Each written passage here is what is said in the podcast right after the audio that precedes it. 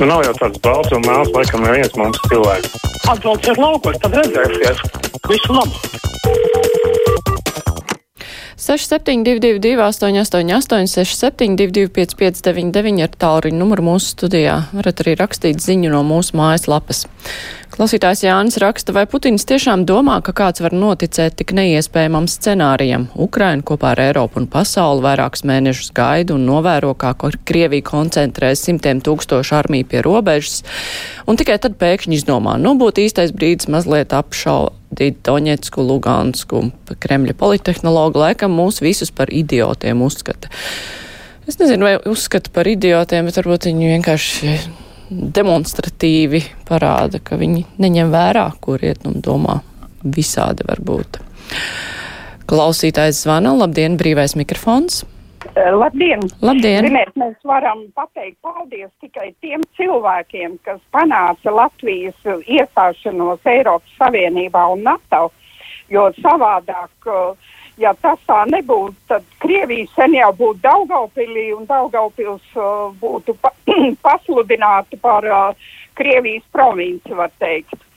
Bet es apbrīnoju tos cilvēkus, kas Latvijā, Krievu tautības pārstāvis, kas Latvijā piedzimuši un ilgu laiku dzīvojuši, ka viņi var attaisnot šodien Krievijas rīcību. Es, es to nekā nesaprotu, jo uh, ziņu raidījumā daudz to attaisnoja vienkārši.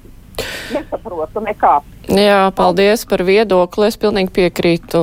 Tā ir laime, ka mēs esam Eiropas Savienībā un ļoti liela laime, ka mēs esam NATO un bija vērts pūlēties un cīnīties par krieviem, kuri uzskata, ka Krievija dara pareizi. Nu, acīm redzot, viņi skatās Krievijas uh, televīziju un varbūt vēl kādus Krievu Krievijas masu informācijas līdzekļus internetā izmanto. Nu, visticamāk, tā ir televīzija, jo nu, tur arī cilvēki tiek eh, pārliecināti pašā Krievijā. Tās tie vēstījumi jau ir Krievijas krieviem un arī tiem, kuri patērē šos masas informācijas līdzekļus, jā, kurš tad tur ir labais un kurš sliktais tā informācija, kas tur ir, tā taču ir pilnīgi apgriezts. Ja paskatāmies kaut vai Putina runu vakardien, mēs redzam, ka tas ir pilnīgs absurds, bet uz vietas Krievijā tam notic daudzi, ļoti daudzi, diemžēl. Klausītājs zvana, labdien, brīvais mikrofons. Uh, labdien! Labdien! Nu jā, ir kabeļa televīzija Rīgā, kas raida Krievijas propagandas kanāls divas Rasija un vēl viens, kas, kas eh, tiešām ir noziegums. Un, uh, ko es gribēju pateikt, ir eksistē interfronta joprojām 200 tūkstoši, ja piektā kolona, kas ir uh, naidīgi noskaņot pret latviešu valodu, kas ignorē.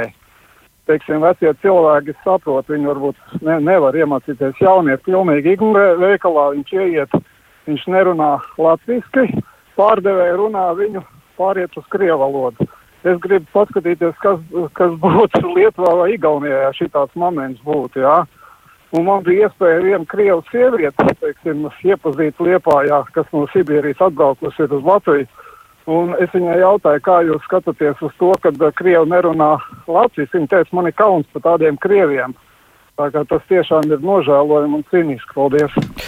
Paldies par komentāru. Klausītāji Krista raksta, ak, ja tie būtu tikai krievu valodīgie, kuri uzskata, ka krievu dara pareizi. Latvieši ir mega daudz ar tādiem pašiem uzskatiem. Paskatieties, ko Šlesers saka.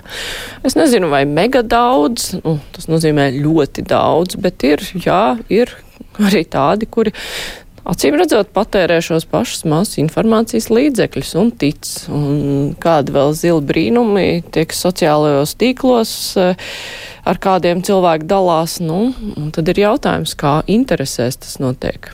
Klausītājs zvana, brīvais mikrofons, labdien! Labdien! Labdien! E, jauku dienu un veiksmu darbā! Paldies jums arī! Paldies!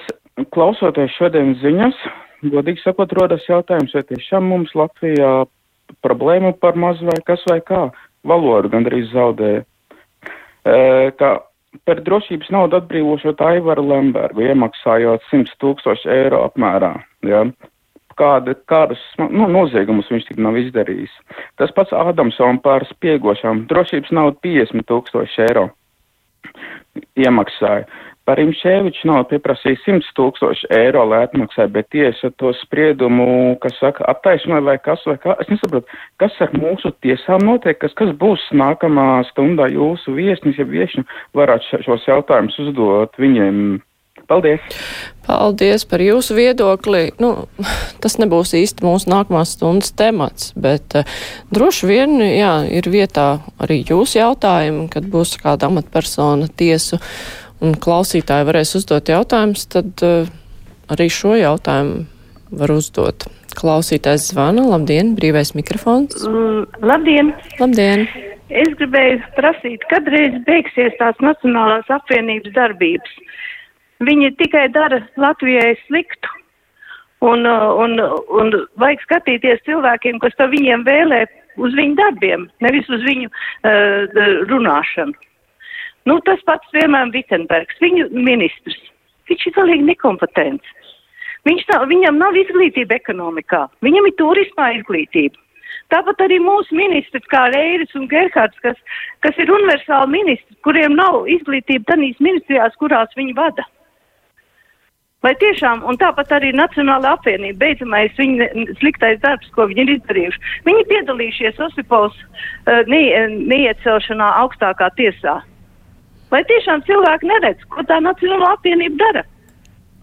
Jā, paldies par viedokli. Nu, ir cilvēki, kuriem savukārt šķiet, ka tas ir tieši ļoti labs darbs, šis balsojums par Sanitu Osipo. Mēs par to runāsim ar nākamajā stundā. Mums būs arī Nacionālās apvienības pārstāvis studijā, nu, diskusijā attālināti. Tas, ka ministriem nav attiecīgas izglītības, hm, Jā, tas nav nekāds jaunums. No otras puses, protams, nevajag būt tieši konkrēti, tā kā saka, mediķim, kurš vada veselības ministriju vai, nu, nu kādas tur vēl līdzības var pateikt. Bet, nu, protams, galvenais, ir zināšanas un spējas vadīt. Nezinu, vai katram ministram tā ir bijis. Klausītājs zvana brīvais mikrofons. Labdien! Alo, labdien! Labdien! Ah, es esmu uz rindu, jā. Ja? Uh, man ir izbrīns, ka visu laiku Putinu maigi saukā sauc par agresoru. Manuprāt, viņš ir jāpasludina par teroristu un attiecīgi jārīkojās. Paldies! Paldies par jūsu viedokli. Tā, klausītāja Sandra raksta, paldies Dievam, esam iekšā NATO un drošībā. Redz, ka tas 22. decembris tomēr ir zīmīgs datums. Dažas dāmas par to jau te reiz bija izteikušās jā, bija tādi 22. datuma prognozējumi, bet uh, internetā arī varēja redzēt, kur Žirinovskis vēl decembrī arī piesauc uh, 22. datumu un 4 no rīta, kas tad, nu, tur būs. Tā kā tas jau tā nenozil gaisa parādījās šis datums. Klausītājs vana, labdien, brīvais mikrofons. Halo. Labdien! Esat ēterā? Labdien! Labdien!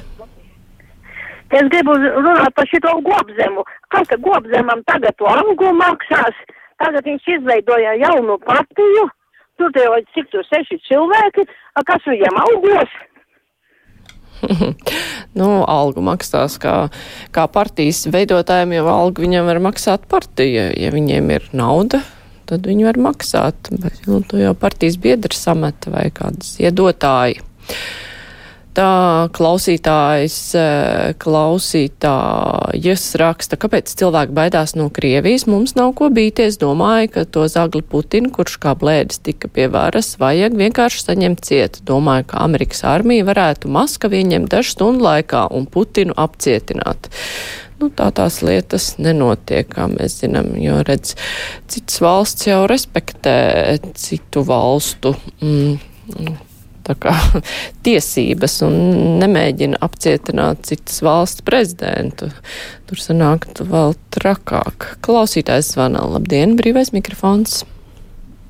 Labdien! Labdien!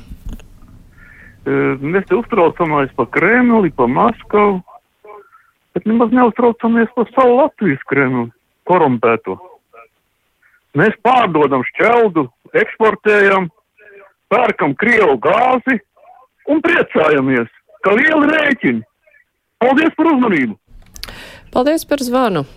Klausītājs Andris uh, raksta, tā man te pazuda tā vēstule, ka, jā, ka viņš arī daļēji patērē Krievijas televīzijas, taču netic nevienam Putinu un līdzīgo vārdam, tā kā ir svarīgi sekot tam, ko dzird, un secinājums izdarīt pašam. Nu, redz, tur ir atšķirība. Jūs eh, patērēt Krievijas televīziju, lai zinātu, ko tur stāstā, lai būtu informēts, bet uh, nu, fona informāciju esat guvis citur, bet cilvēki, kuri dzīvo tikai Krievijas informācijas laukā, viņiem tā arī šķiet, ka dzīve ir tāda, kā tur stāsta.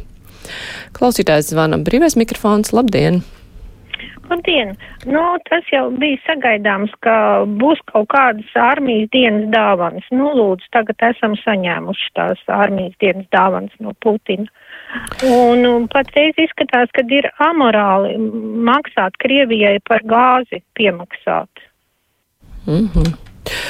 Paldies par viedokli. Viesturs savukārt raksta papētīt drusku dziļāk astoņu gadu notikums Ukrainā, saprat, ka Ukrainas puse neko pa astoņiem gadiem neizdarīja, lai kas notika šobrīd ar Donbasu un Lugansku nenotiktu. Tagad lūdzu palīdzību. Paši mazo pirkstiņu nepakustināja, ar pašpasludinātiem apgabaliem neielaidās nekādās sarunās, uz ko viņi cerēja. Nu, tā jau nebija, ka neviens neko necentās darīt. Klausītājs zvana. Labdien, brīvais mikrofons.